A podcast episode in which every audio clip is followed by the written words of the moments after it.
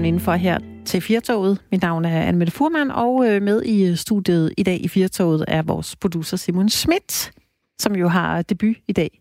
Yes. Ja, det går godt. Det synes jeg også. Ja. Det går da fint. Ja, det går da fint. og vi sidder jo indenfor, og øh, det har vi begge to talt om, at det var egentlig meget rart, selvom øh, solen skinner øh, udenfor, og der er rigtig mange mennesker, som øh, synes, at man skal være udenfor, når det er sommer, og man skal simpelthen have alle solstråler suget ind i øh, sin krop. Det er ikke sådan... Øh, det er ikke sådan helt vildt okay bare at sidde indenfor, mens solen skinner udenfor. Det havde vi måske sådan lidt underligt med, eller vi kom til at tale om det her med, om, om man godt må hate lidt på sommeren, hvis man nu ikke er en af dem, der, der elsker sommer. Hvis man nu synes, at vinter og is og sne og lidt kulde, det, øh, det er bedre. Ja, jeg tror, jeg nævnte jo det der med, at, øhm, at jeg egentlig rigtig godt kan lide sommeren, men jeg er ikke så stor fan af, der er for, at den er forventning om, at man skal udnytte hvert evigt eneste sekund i, i, i solstrålerne. Jeg er selv mm. kærester med en halv islænding, mm. øh, som er vokset op med sin far, som er island, øh, islændingen. Og derop, der, der, der kører man 4-5 timer, hvis man hører i nyhederne, at der er at der er sol i en eller anden by på, på vestkysten. Så hun okay. er ligesom vokset op med hendes far, da han så flyttede til Danmark, at øh, der, der skulle de udnytte, når der var godt vejr. Så kørte man sgu hen til, øh, til Helsingør, hvor, det nu, hvor det nu var, hvis man skulle have nogle varme stråler. Ja. Så det lever jeg lidt med, at så snart det bliver varmt udenfor, så skal vi lave noget. Også ja. selv hvis jeg måske er lidt dvask og gerne bare vil ligge inden for at se uh, den nye serie på HBO eller Netflix. Um, så det er måske også der, hvor det lidt uh, stammer fra, min, uh, min irritation om det der med forventninger. Så skal vi bare have alt ud af, ja.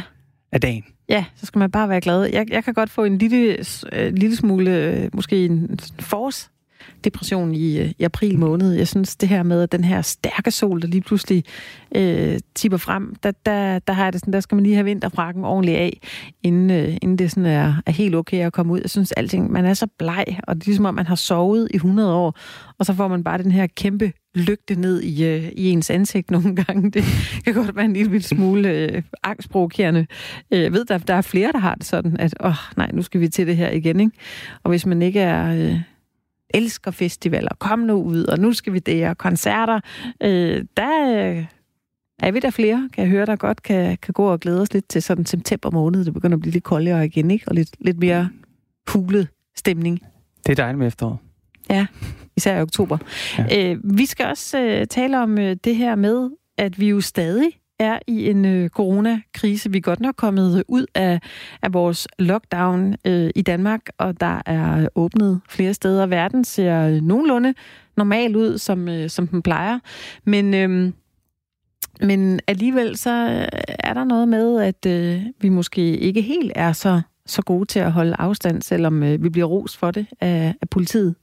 Øh, det skal vi lige dykke ned i lidt senere. Så skal vi tale om et menneske, som er øh, utrolig gammel, faktisk. Yes. Han er meget, meget øh, højt op i, øh, i årene, den kære mand, vi skal tale om senere.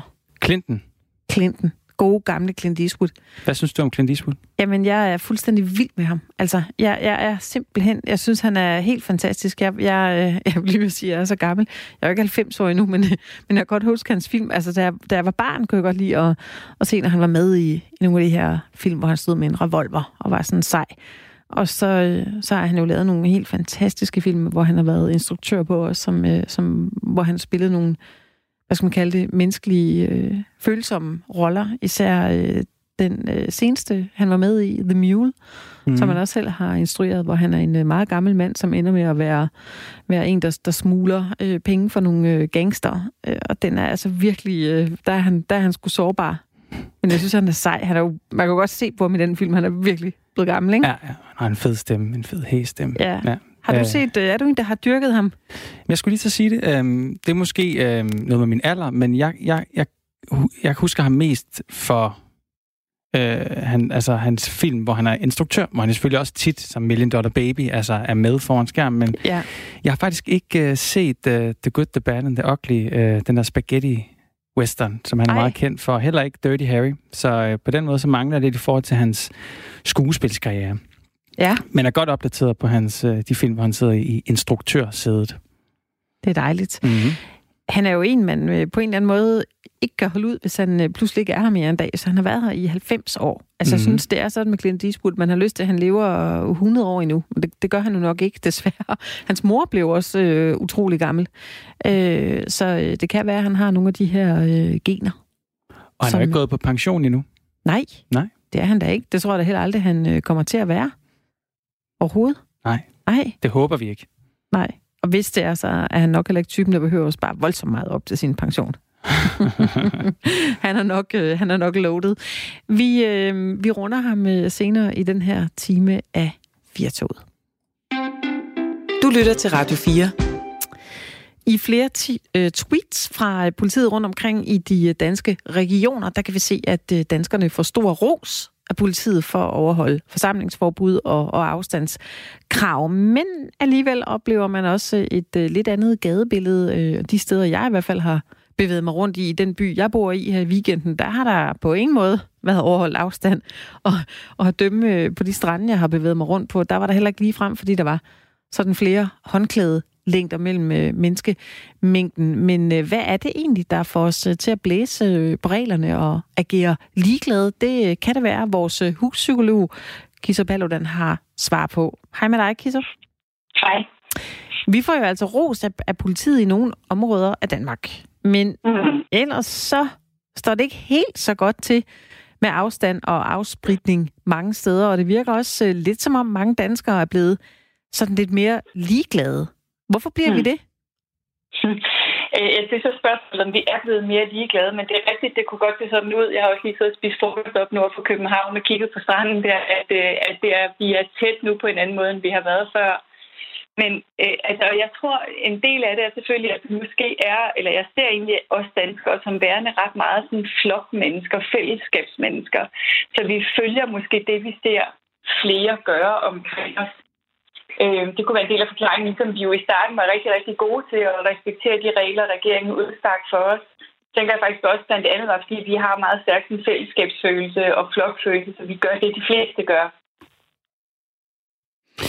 Ja, altså hvorfor, kan du uddybe lidt, hvorfor vi glemmer, at vi, vi stadig er midt i en, en stor krise? Altså, jeg, jeg tror måske en del af det er, at øh, da hele det her startede, vidste vi ikke, hvad der ville ske, eller hvordan det ville folde sig ud. Og, og jeg tror måske mange nu konkluderer, at det ikke var helt så, så slemt, som vi frygtede, det ville være. Øhm, og så er der noget med det sommer, og at øh, vi måske bare øh, i lang tid nu har været bange øhm, og, har, og har måske lidt brug for noget andet. Og måske har vi i virkeligheden også brug for en anden måde at tænke om corona og de her forholdsregler og sådan på. Jeg tror, at mange af os længe altså, har taget forholdsregler på en måde, hvor vi er bare lidt bange for, for det, og bange for at overskride reglerne. Og måske kan vi komme hen et sted, hvor vi stadigvæk passer på hinanden, men på en mindre frygtbaseret måde.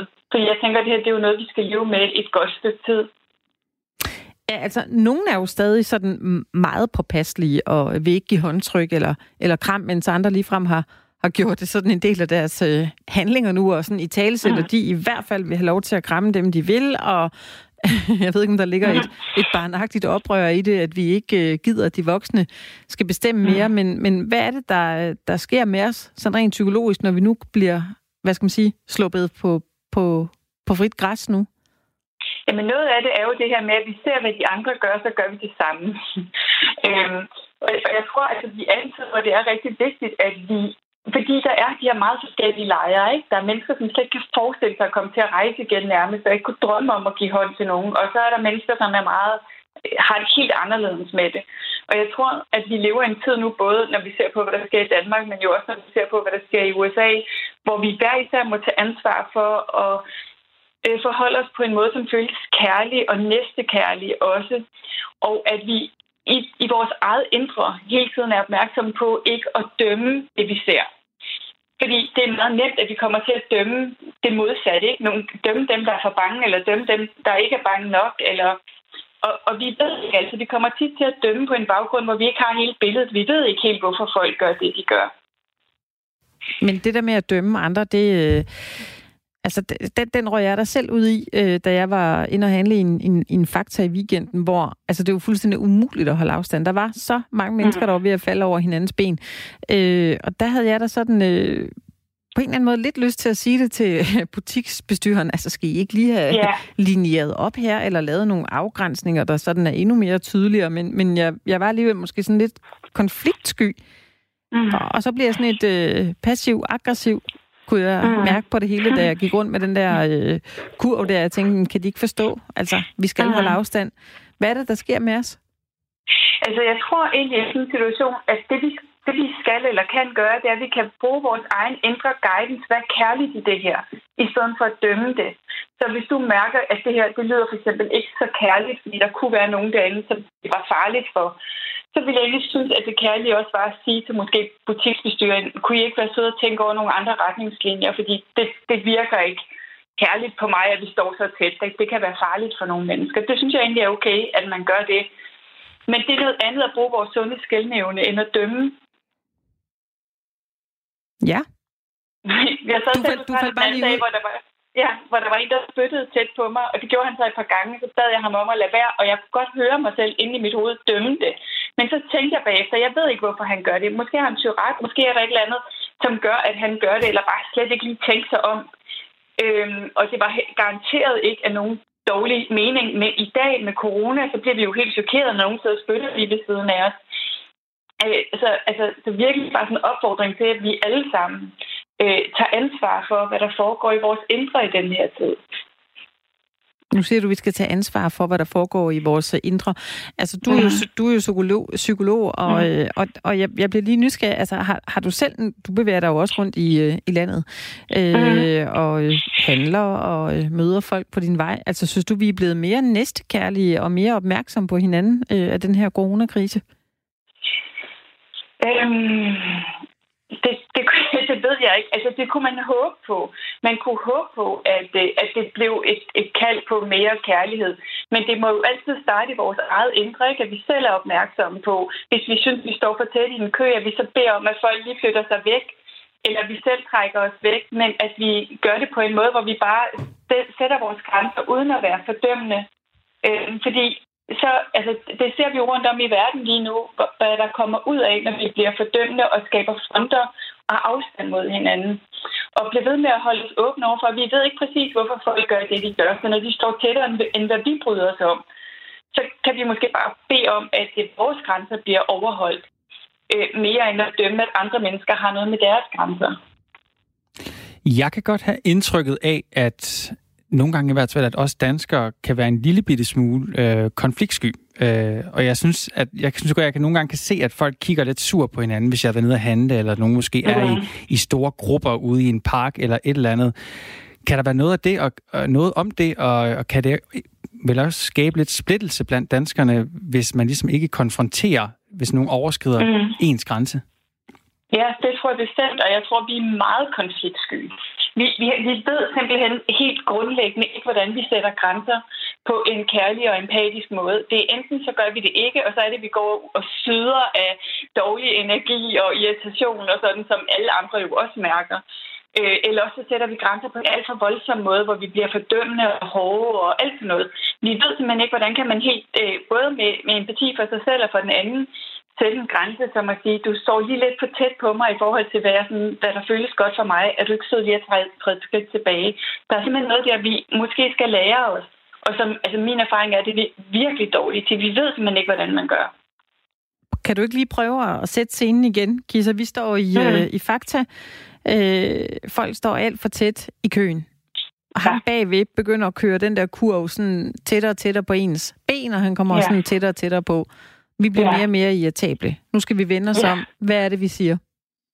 Så vil jeg simpelthen sige, du står lige lidt for tæt på mig i forhold til, hvad der føles trygt for mig. Er du ikke lige siddet og taget et skridt tilbage? Mm. altså, det kan man jo i virkeligheden godt sige på, på en venlig måde. Problemet er, at vi ikke gør det der. Ikke? Vi gør det først, når det så er tiende gang, vi er blevet virkelig pissed over et eller andet. Og så får vi sagt det på sådan enten virkelig grim måde, eller ekstremt indirekte, og, og øh, ja, en ikke særlig kærlig måde.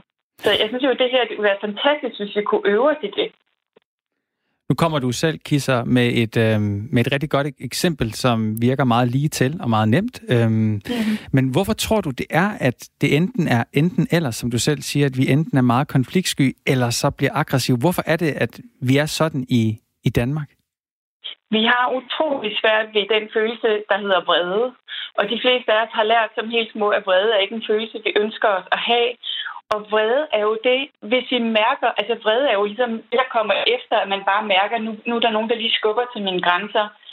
Øh, og de fleste af os har lært som helt små, at vi ikke må være til besvær med vores vrede eller med vores grænsesætning, eller at den ligesom er irriterende eller for meget, eller vores behov, eller det vi føler, og har de fleste af os lært at passe, passe lidt væk eller pakke væk. Og derfor er vi ikke så vant til bare udtryk. Øh, det her, det føler jeg lidt for tæt på for mig. Kunne lige være sød at træde skridt tilbage, for eksempel. Det er simpelthen ikke naturligt for os. Vi kommer til at dømme os selv for at gøre det, og derfor gør vi det ikke. Og det er jo derfor, at det enten bliver indirekte og, og spydigt, eller alt for voldsomt. Det er jo fordi, vi simpelthen ikke ved, hvordan man bare tager vare om sig selv og sine egne følelser og behov og grænser på sådan en naturlig og også en måde, som er både kærlig for en selv og andre. Mm. Det gælder vel også i forhold til, hvis man er en af dem, der øh, ikke vil give hånd, eller ikke vil kramme, øh, og har Præcis. det dårligt med det, at man får det sagt på en, øh, en sådan øh, kærlig og empatisk måde. Ja, fordi det er jo kun, når vi ikke selv hviler i vores egne grænser. Altså, hvis jeg ikke hviler i, at jeg gerne må sige fra over for at give et kram, så kan jeg behov for at gøre nogle andre forkerte ved, at de gerne vil det. Fordi så er det nemmere for mig at stå i, i mit behov. Ja. Kan du, kan du lige prøve at forklare den igen? Ja, så hvis jeg nu ikke hviler i, at jeg har ikke lyst til at kramme nogen, og egentlig har det lidt dårligt med det, men jeg har ikke lyst, så vil det være nemmere at sige, at den, der prøver at komme hen og kramme mig, øh, ikke tager hensyn og ikke har forstået alvoren Nå, og alle sådan nogle ting. Det er skabt ja. den anden ud. Ja. Øh, for eksempel at hæve mig selv oven, oven på den anden, så jeg føler mig retfærdiggjort i mine behov, i stedet for bare at hvile i, at sådan har jeg det, og, og du har det på en anden måde, det er totalt fair, men, men jeg står bare lige op for, hvordan jeg selv har det. Mm. På den måde? Ja, det... så vi ikke skaber fronter ikke, med vores forskellighed i det her, fordi vi er ekstremt forskellige i det her. Ja. Jeg tror, det er godt i det hele taget at, øh, at have den der dialog med sig selv i den nærmeste ja. tid i hvert fald, fordi det, det ser da ud som om på, på gader og stræder, at vi i hvert fald går utroligt tæt. Ja, det har ændret sig. Ja. Kisa Paludan, tak for din øh, gode råd her med noget næ- næ- næste kærlig kommunikation. Øh, mm. vi, vi tager den til os. Den er, den er noteret herfra. Kan du have en fortsat god dag? tak, i lige måde. Hej. Hej. Hej. Du lytter til Radio 4. Simon, var det noget, du kunne finde på at sige på sådan en, øh, en næste kærlig måde, tror du, hvis der var en, der stod helt op i nakken på dig? Nej, jeg, jeg, jeg tror faktisk, jeg hører lidt til den, du ved, øh, type mennesker, hun sagde, som er meget konfliktsky på det punkt. Ja. Øhm, så ja, øh, jeg tror, at jeg vil nok bare gå, simpelthen, hvis nogen øh, kom for tæt på. Altså, jeg var faktisk ude at handle her i, øh, i forgårs, hvor jeg synes, der var lige lovligt mange mennesker i Kvickly, som jeg var i. Øhm, og der hjalp det ret meget at have en indkøbsvogn, for det skabte lige en uh, naturlig distance, når, Nå, jeg, når jeg gik ja. rundt. For der var nemlig virkelig mange. Og jeg følte der, at normalt kan man godt lige afkode, hvis nogen ser irriteret ud, eller hvis, altså, ved der er mange, ikke? Øhm, og jeg var måske mere bare, du ved, sådan lad os nu prøve at overholde reglerne, og sådan, men det virker bare som om, folk var vendt helt tilbage til, til normalen og gik meget tæt, og der var ikke rigtig sådan, der var ikke nogen dårlig stemning derinde, og, sådan, og det prøvede jeg da heller ikke på at skabe på nogen måde, men det var meget smart med den der indkøbsvogn, så var ja. der en naturlig distance. Det tror jeg faktisk. Øh, jeg vil, måske en indkøbskur, så en, eller en indkøbsvogn og sådan en kur ved siden så man bare har sådan en øh, bastion, der går rundt. Altså, fordi jeg var måske sådan en af de der, jeg kunne ikke altså jeg havde lyst til at gå, gå hen til ham, der var øh, butikschef, og sige, Simon Ting, altså, kan du ikke indrette den her fakta lidt anderledes? For du kunne da godt se, når man kommer ind af den der, øh, øh, ja, hvad hedder den der lille bitte låge, klappen, man går ind af, ja. så står der en øh, sådan kæmpe frugtbod, og man, man kan næsten ikke komme rundt for at komme om til, til brødet, og det, du ved, alle skal gå i gåsegang, og så glemmer man jo noget, det ved man, så skal man lige tilbage, og det lå lige helt nede den anden ende. Altså, øh, og der gik jeg ud og var sådan småbitter og tænkte, det var da utroligt. Har han virkelig ikke tænkt sig bedre om? altså, Men du sagde ikke noget? Nej, jeg sagde ikke noget. Altså, og det var da egentlig dumt. I stedet for at gå og være sådan lidt indebrændt og tænke, om, så går jeg ned i alle de næste gang og handler, fordi jeg gider ikke det der, hvor alting er så, så overrendt. Altså, øh, for det, vi, vi kunne faktisk ikke være derinde, hvis man endelig skulle holde afstand. Det var faktisk fuldstændig umuligt ja. øh, at gøre det. Men der synes jeg godt, vi kan lære noget af, af den gode kisser Paludan. Ja. Altså om at finde lidt den, den gyldne middelvej. Og så ikke enten være totalt konfliktsky eller mega aggressiv. Ja. Måske er det godt faktisk, at, at, øh, når man har sådan en, en snak, som vi lige havde med Kisser, at man øh, gør sig selv, at man sådan går og har den der dialog inde i sig selv, inden man øh, kommer i de der situationer, sådan, så man, man ved, okay, hvis der er en, der står helt op i nakken, så kan jeg lige vende mig om at sige det på en, på en kærlig måde.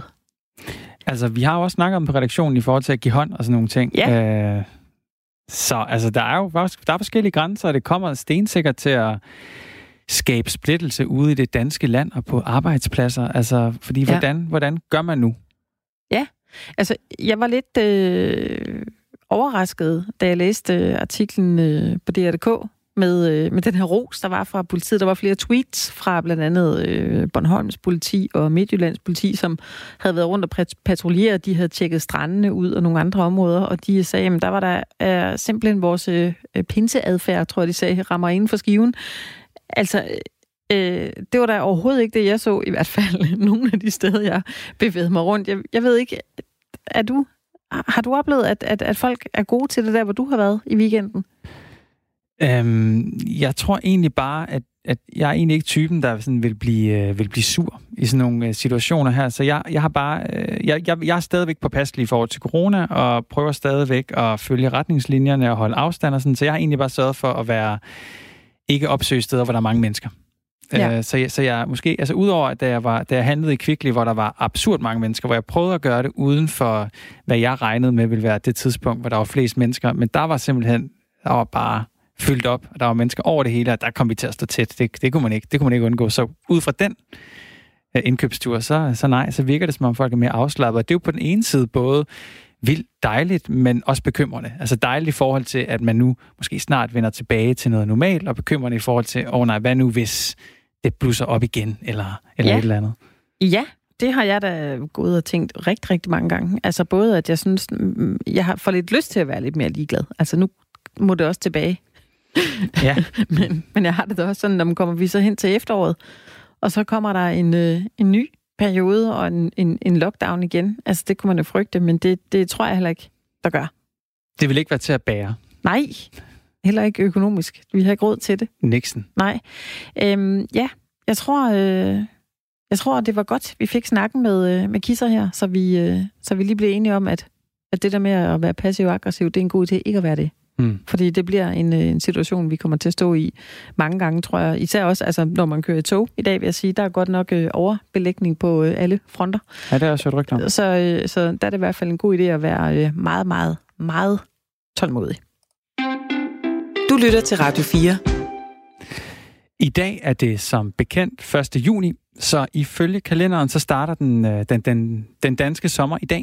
Øh, stranden er fyldt med forventningsfulde badegæster, og nu kan vi for alvor få luftet shortsene og de korte kjoler, mens vi nyder et glas koldt rosé til duften af grillmad.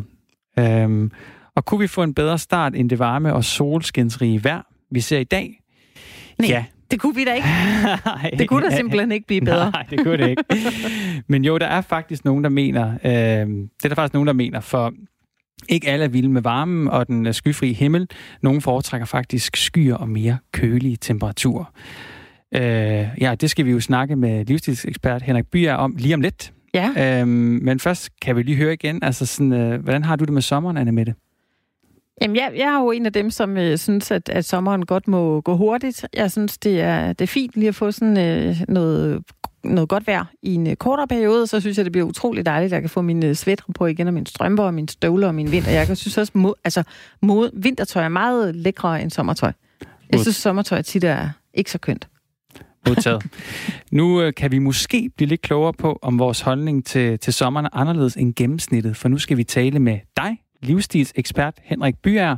Velkommen til programmet. Jamen tak, fordi jeg må kigge ind til en sommerdag her.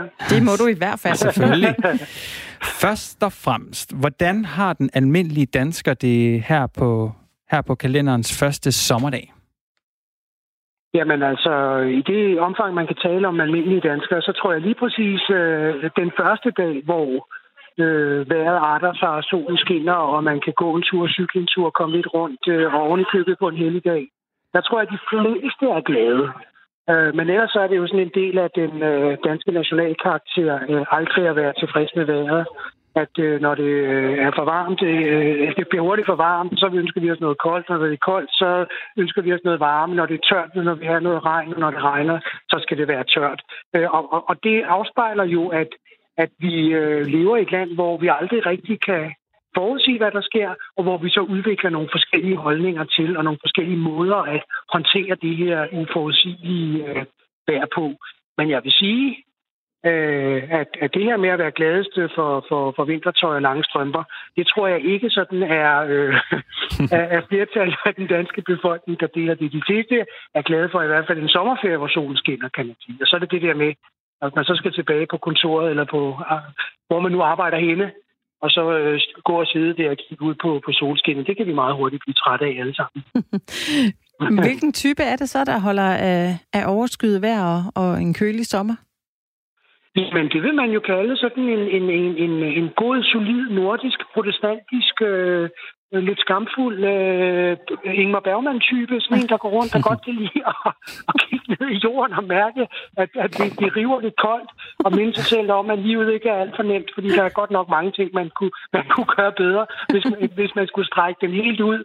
Øh, fordi øh, det er jo noget med, at, at, at vores nordiske temperament og vores nordiske kultur øh, er meget bygget op omkring, at vi har en kort, hæftig, hektisk øh, sommer, når det går godt, og så har vi nogle lange perioder, hvor vi hverken ser lys eller, eller sol. Og det giver jo, hvis man spørger andre øh, kulturer, sådan en, en, en national karakter, hvor vi godt kan lide at gå i den samme øh, rille der og, øh, og, og, og tænke lidt over tilværelsen og få det til at fungere, uden at det er alt for, for, for voldsomt og sprudlende. For det er, jo, det er jo så det, der følger med det her øh, vinterlune og vinterhumør og vinterdepression, som også er en dansk øh, nationalsport. Det er jo noget med, at, at når man ikke ser lyset, og, det, og man godt kan lide kulden, men alligevel ikke rigtig kan udfolde sig, så, så, så kan vi også godt gå og blive sådan lidt utilfredse med, med, med rigtig mange ting. Og det, og, og det er jo det her med vores, vores altså brok og en form for ut, gennemgående utilfredshed med rigtig mange ting, og især vejret, som så øh, står igennem der. Altså, jeg har jo sagt her i programmet, at jeg godt nogle gange kan synes, at sommeren kan være lidt, lidt for varm, og der kan være mange forventninger. Øh, selvfølgelig bliver jeg jo bare indenfor, når det er, men, altså, men alligevel, altså, der er en forventning om, at man skal være udenfor hele tiden. Hvorfor kan det nærmest være tabu at sige, at man ikke nyder en, en solrig sommerdag som i dag? Jamen, det, ligger jo i det, at, øh, at hvis man sådan skal tage et eller andet form for øh, dansk idealopfattelse af vejret, så er det, at grunden til, at vi kan øh, gennemleve en lang vinter, og at vi kan føle, at november, den varer ligesom tre måneder, ikke? Altså, som Henrik Nordbrandt skrev, at året har 16 måneder, og tre af dem hedder november.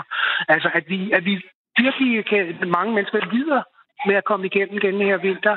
Øh, og så skal det til gengæld kompenseres i en hæftig, hektisk flimrende, varm, øh, fløtende, eksplosiv, festlig øh, sommer. Og det er der jo så også nogle mennesker, der ikke synes er særlig sjovt, i hvert fald i, i større omfang. Og det er jo derfor, jeg siger, som i dag, nu står jeg så på, på, på Nordatlantens brygge her i København, og jeg, jeg tror, jeg kan sige, at der er 50.000 mennesker i, øh, i bare ben, øh, som sidder og, og omkring vandet. Ikke? Wow. Og det gør vi så i dag. Øh, men hvis det nu var sådan altid, eller hvis vi nu fik en sommer, der var sådan her i, øh, i tre måneder, så vil vi blive træt af det.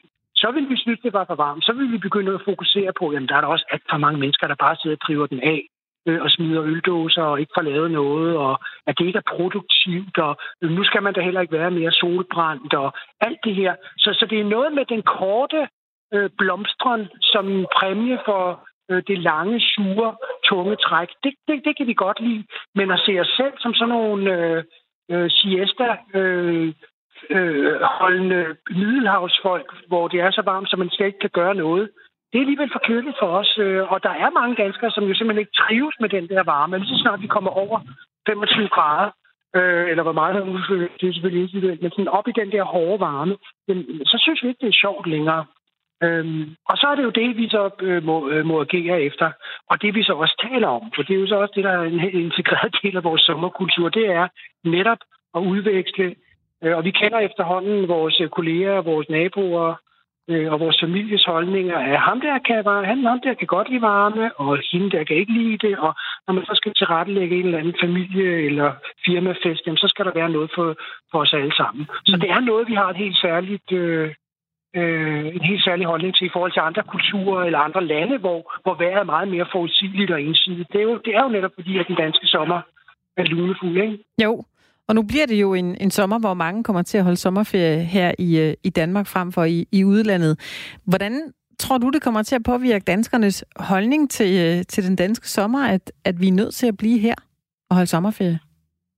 Ja, jeg er meget spændt på det, og man kan jo sige øh, med sjælden præcision, at det er der jo ingen, der ved.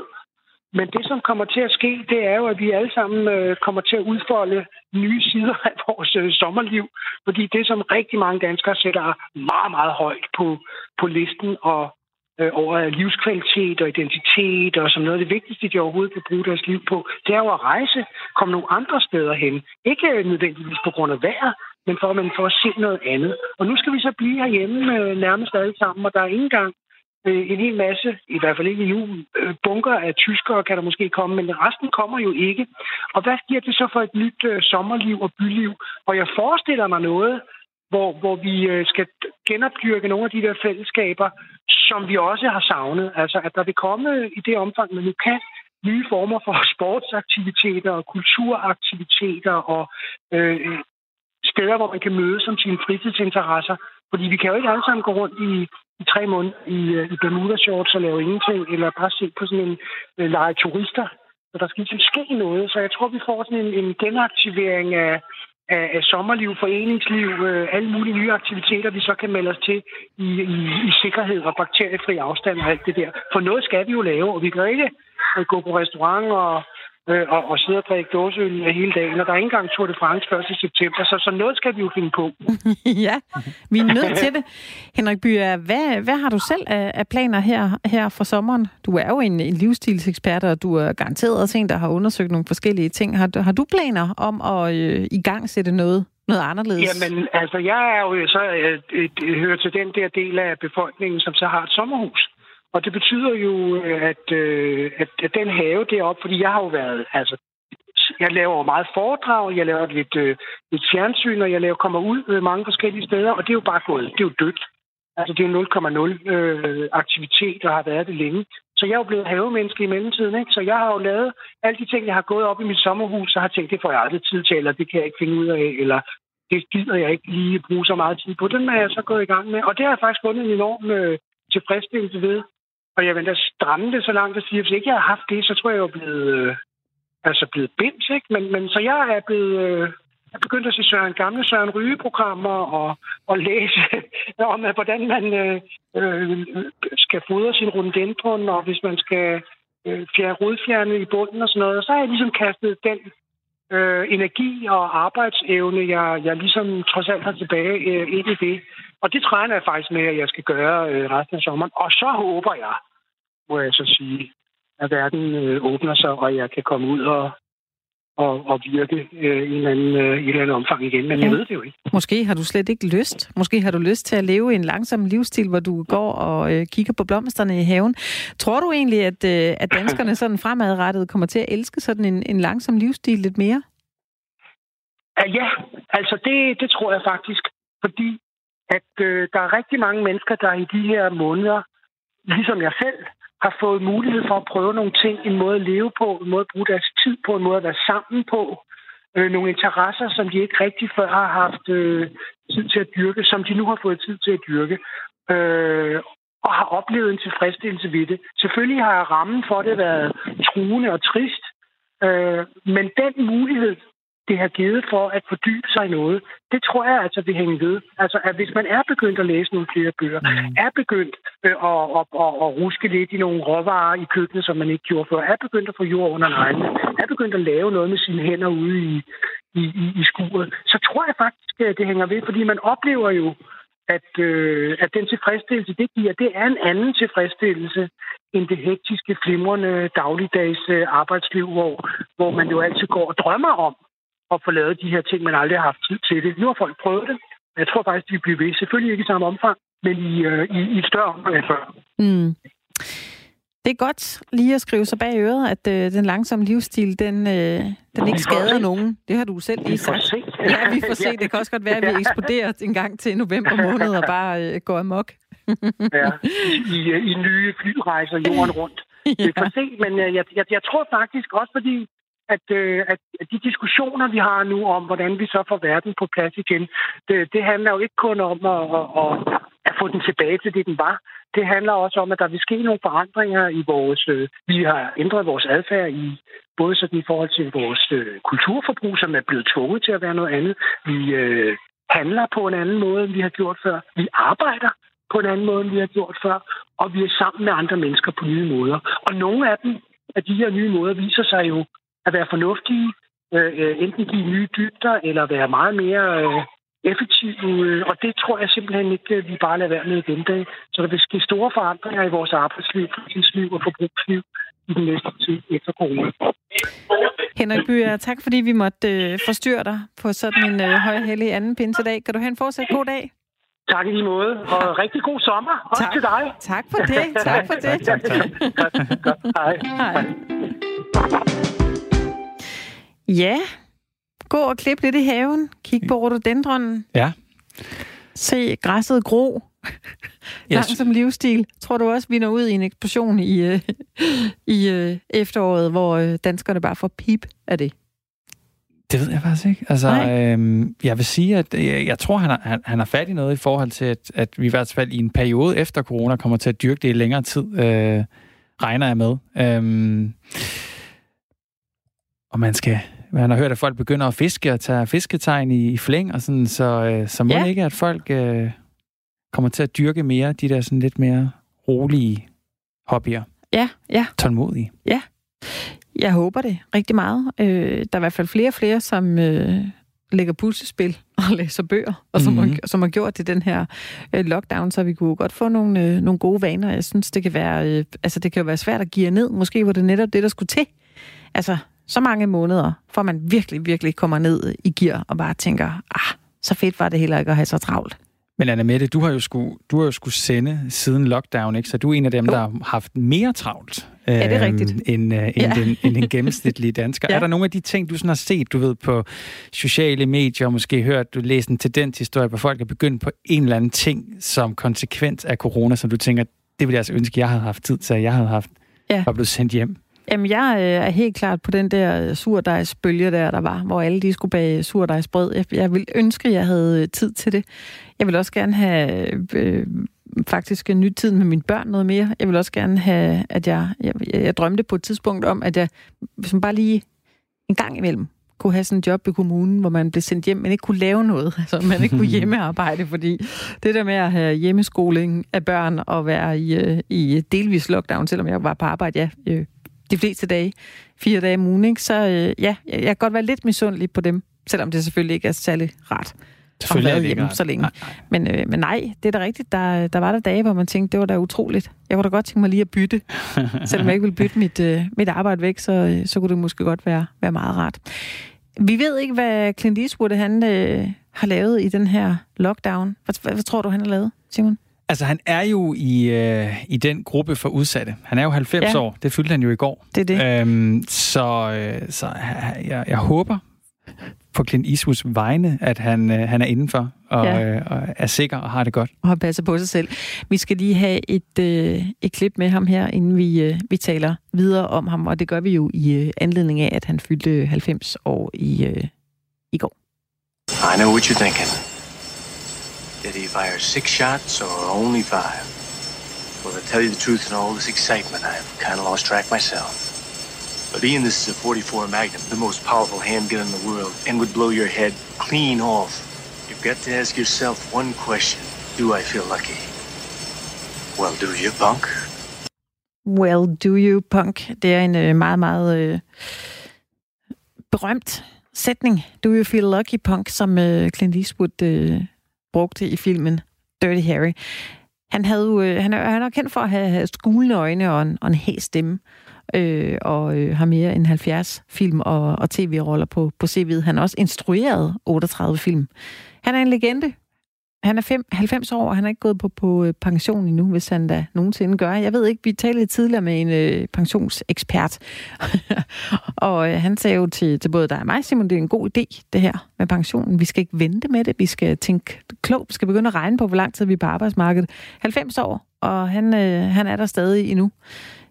Øh, er du en, der sådan har fulgt med i, øh, i hans karriere? Øh, den tid, du nu er du 29, ja, ja, så du har ja, selvfølgelig, ja. der er en stor aldersspredning der, men, men har du øh, sådan fulgt med i hans filmskab?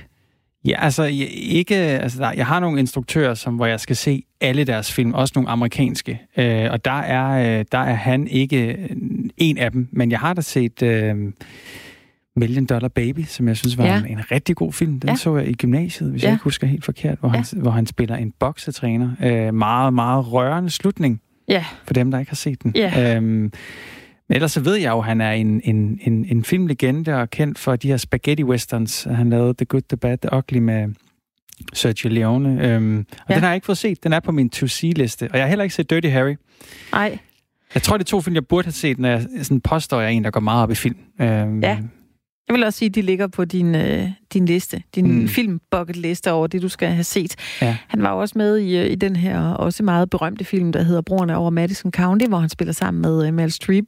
Og der kan man bare sige, altså, jeg har set den med nogen, som ikke er til, du ved, romantiske følsomme film, som altså også ender med at sidde og, øh, og have sådan lidt tårer i øjenkrogen. Jeg ved ikke, om det er, fordi han har haft det her hårdkogte image, øh, Clint Eastwood, at når man så ser ham være i sådan en følsom rolle, så, så virker det næsten dobbelt så følsom. Har du set den? Den har jeg heller ikke set. Ej, den skal den du se. Set. Den er Nej. altså også rigtig, rigtig, rigtig, rigtig fin.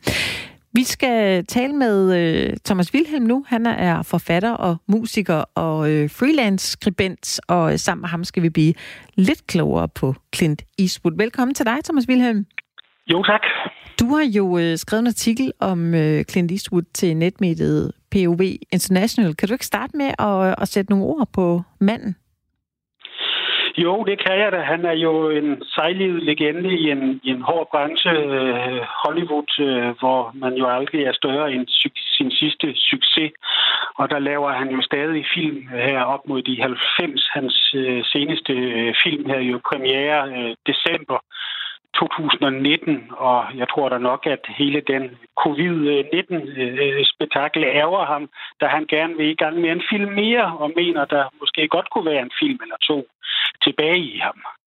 Så han dør med støvlerne på, tyder alt på. Ja, det må man sige. Altså, er det ikke rigtigt, at hans mor også blev, blev, øh, blev ret gammel?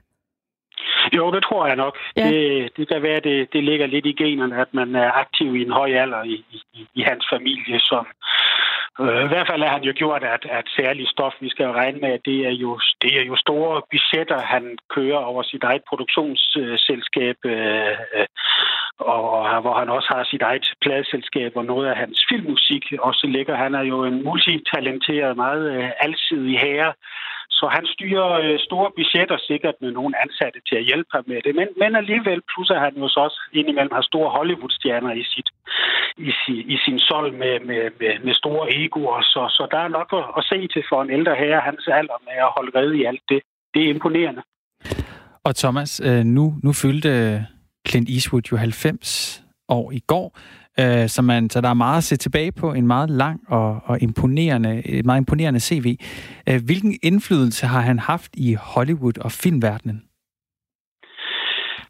Jamen, han har jo nok haft en markant øh, indflydelse, fordi han har været der så længe, og, og især hans film, øh, senere film, øh, har jo øh, været øh, Oscar-nomineret, en del af dem, øh, og, og, og, og vundet generelt øh, priser. Så selvfølgelig kommer man ikke udenom øh, Clint Eastwood som, som et maskulint ikon, som en stilskaber, som en instruktør af, af i øvrigt også ret, ret forskellige øh, øh filmgenre, han bevæger sig ind i. Det er som om, at han de senere år er blevet mere og mere eftertænksom i forhold til øh, den amerikanske historie, amerikansk politik og de værdier, øh, det amerikanske samfund er, er bygget på. Og det har man da også bemærket sig i Hollywood. På hvilken måde? at, at han stadig mener noget, og at han for eksempel med American uh, Sniper også går ind i, i, et, i et så betændt område som amerikanernes uh, militær involvering i en krudtønde som Irak, hvor han jo så også ser det ud fra, at familierne, der, øh, der øh, ja, hvor, hvor manden øh, er, draget i krig som snigskytte, eller hvilken funktion, som regel dødelig funktion, han, han måtte have der, jamen det har en pris på hjemmefronten. Mm.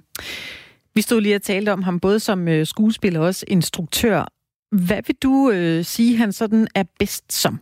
Er det foran kameraet eller bag ved kameraet?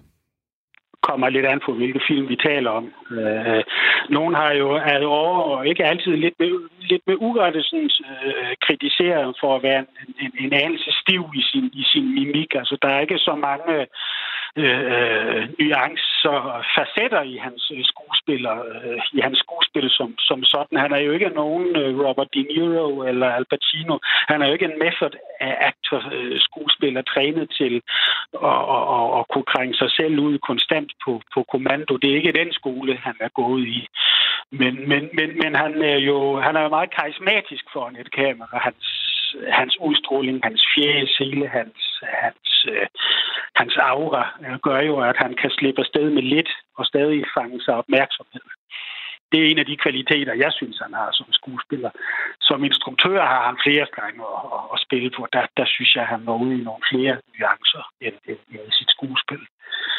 Så alt afhængig af, hvad, hvad, hvad vi er ude i for en genre og projektets karakter, fortællingens karakter, øh, øh kan jeg foretrække ham både i den ene og den anden rolle, men, men nok med et plus, øh, et, et plus i retning af, af, af hans status som instruktør. Og med det i mente, øh, hvilke film, og her tænker vi både, hvor han har været skuespiller og, og instruktør, hvilke film tror du, han vil blive, han vil blive husket for? Jamen, han vil jo blive husket for øh, film øh, af, af vidt forskellige karakterer og fra forskellige perioder. Øh, øh, The Good, The Bad and The Ugly, øh, som I jo nævnte, inden, inden jeg øh, kom på, vil han jo blive husket for Sergio Leones øh, spaghetti western klassiker. Han vil blive husket for sit samarbejde med Don Siegel, der jo øh, førte til øh, den beskidte betjente rolle i Dirty Harry-filmene. Øh, øh, han vil nok blive husket også for sin egen instruktør, debut med øh, Play Misty for me, øh, Mørkets Melodi, som hedder øh, på dansk. Og så vil han jo nok i 90'erne og i det nye årtusind blive husket for øh, de nådesløse, vi Unforgiven, altså hans senvester, mm. hvor han jo også tager den amerikanske historie og voldens anatomi, hele western-mytologien øh, op til, til revision. Brugerne over Madison County, som jo nærmest er et, et lille bergmandsk sovstykke i forhold til, ja. hvad han ellers har begivet sig i kast med, vil han jo nok blive husket for. I nullerne er der jo Mystic River, og der er Million Dollar Baby, og Flags of Our Father, The Letters from Iwo Jima, øh, to film, der ser, øh, der ser en, en, en krigshandling, både for amerikanerne og, og japanernes synsvinkel. Det er jo ret usædvanligt, da den slags film jo er, er, er meget patriotiske. Der går Eastwood ind og, og, og, og dækker øh, et, et, et betændt kapitel i historien fra flere synsvinkler. Det, det ses faktisk ikke så tit i Hollywood. Men Thomas, der er jo virkelig mange ting, vi kommer til at, til at huske Clint Eastwood for, øh, ifølge ja. dig, og det, det er jeg da også helt sikker på. Men har du selv en, øh, en, en, en favorit? Nu i går genså jeg uh, Mystic River, og, og den er højt på min liste. Gran Torino, hvor han jo tager sin egen macho-rolle op til revision og sit eget syn på multikultur, racisme og den øh, slags skyld. Øh, den slags emner har også øh, en, en høj plads på, på, på listen. Og Playmisty for mig kan jeg også godt lide, da, da, da, da, da hans instruktørdebut virkelig er, er, er bemærkelsesværdig inden for thriller-genren. Øh, og Thomas, øh, der sker jo rigtig mange ting i, øh, i amerikansk politik i de her i de her dage, men kan du, altså, og Clint Eastwood er jo også en, der har blandet sig meget i politik i, i, i det forjættede land. Kan du fortælle os om Clint Eastwoods rolle i amerikansk politik? Jamen, den har jo været lidt broet og, og en anelse forvirrende, da han jo både har støttet republikanske og demokratiske øh, man, øh, mandater i, i, i kapløbet om, om, om øh, præsidentposten. I 2012 støttede han jo Mitt, Mitt Romney, og havde jo det der berømte øh, stunt under republikanernes øh, National øh, Convent, hvor hvor han lavede noget gestaltterapi på Barack Obama, der sad i den tomme stol. Det var ret pinagtigt, og der troede jeg lidt, at nu raptor, det skulle så meget for manden, at vi måske har set den sidste film, hvis han ryger på plejehjem efter det stund. Det gjorde han så ikke, og han tog så også siden øh, hen øh, afstand øh, fra det. Så har han jo, øh, for en del år tilbage, var han jo borgmester i en lille flække, Carmel by the Sea i, i, i Kalifornien, hvor nogen faktisk flyttede til byen, fordi han blev borgmester, fordi så var man der i nærheden af en berømthed i, i, i, i en lille county, øh, i, i en solbeskinnet stat i, i USA. Så har han jo i 2020 støttet øh, Michael Bloomberg, som nu har øh, trukket sit kandidatur.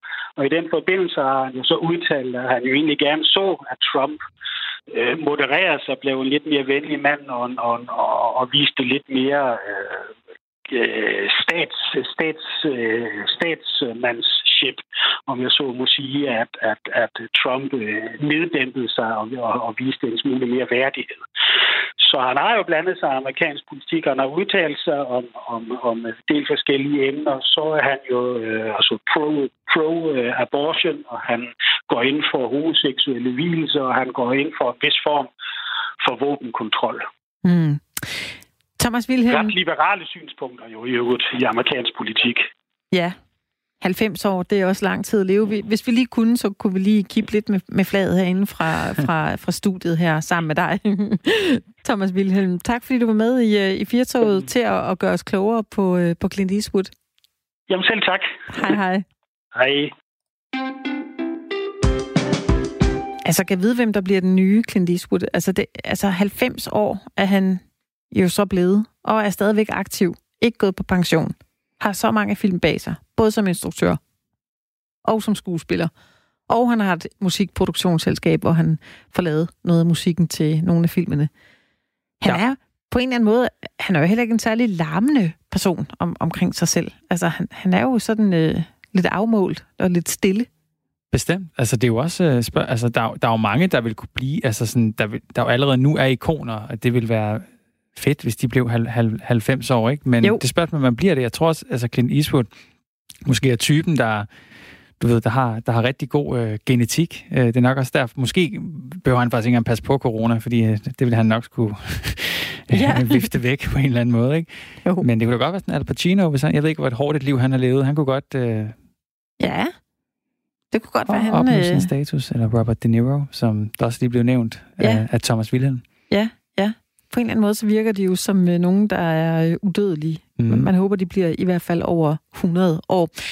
Øh, nogle andre skuespillere, som øh, har fødselsdag den, øh, den dag i dag, 1. juni, det er faktisk øh, Marilyn Monroe, som jo ikke er blandt os mere. Hun har været øh, død i mange år.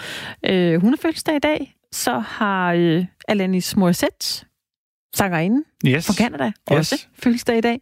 Så har Michael Rasmussen, tidligere cykelrytter. Ja, ja, ja. Og også fødselsdag i dag. Og øh, så øh, ved jeg ikke, om du husker øh, Jason Donovan. Det gør du måske ikke. Det gør jeg ikke, nej. Jeg kendte de andre. Okay. Og så er det, fordi du er 29. Men Jason Donovan, han var sammen med... Øh, Kylie Minogue var han med i en øh, australsk tv-serie, der hedder The Neighbors, hvor han var meget, meget populær. Okay. Ja, og han øh, var også øh, en, der tydede til popmusik efterfølgende og lavede øh, nogle gode 80'er skiver. Prøv lige at, at google ham. Det gør jeg bagefter. Ja, det skal du gøre. I dag, den øh, 1. juni, var det faktisk også øh, dagen i 1889. Det er godt nok virkelig, virkelig mange år siden. Der øh, afgik øh, Orientekspressen fra Paris fra sin... Øh, altså, det var den første tur til, øh, til Konstantinopel, som nu er Istanbul. Prøv lige at forestille dig det. 1889. Og gå ind med din læderkuffert og dit fine tøj. Måske noget tweed, noget uld. At du skal på den her store, store rejse. Det er jeg, kan lide vildt. tanken. jeg kan lide tanken. Ja, det er ja. helt vildt i dag, når man bare swiper igennem en eller anden app og køber en billet hos øh, DSB og går ind og sætter sig og tænker som om, det er det mest naturlige i hele verden, at selvfølgelig har vi da et tog, der kan fragte os alle mulige vegne.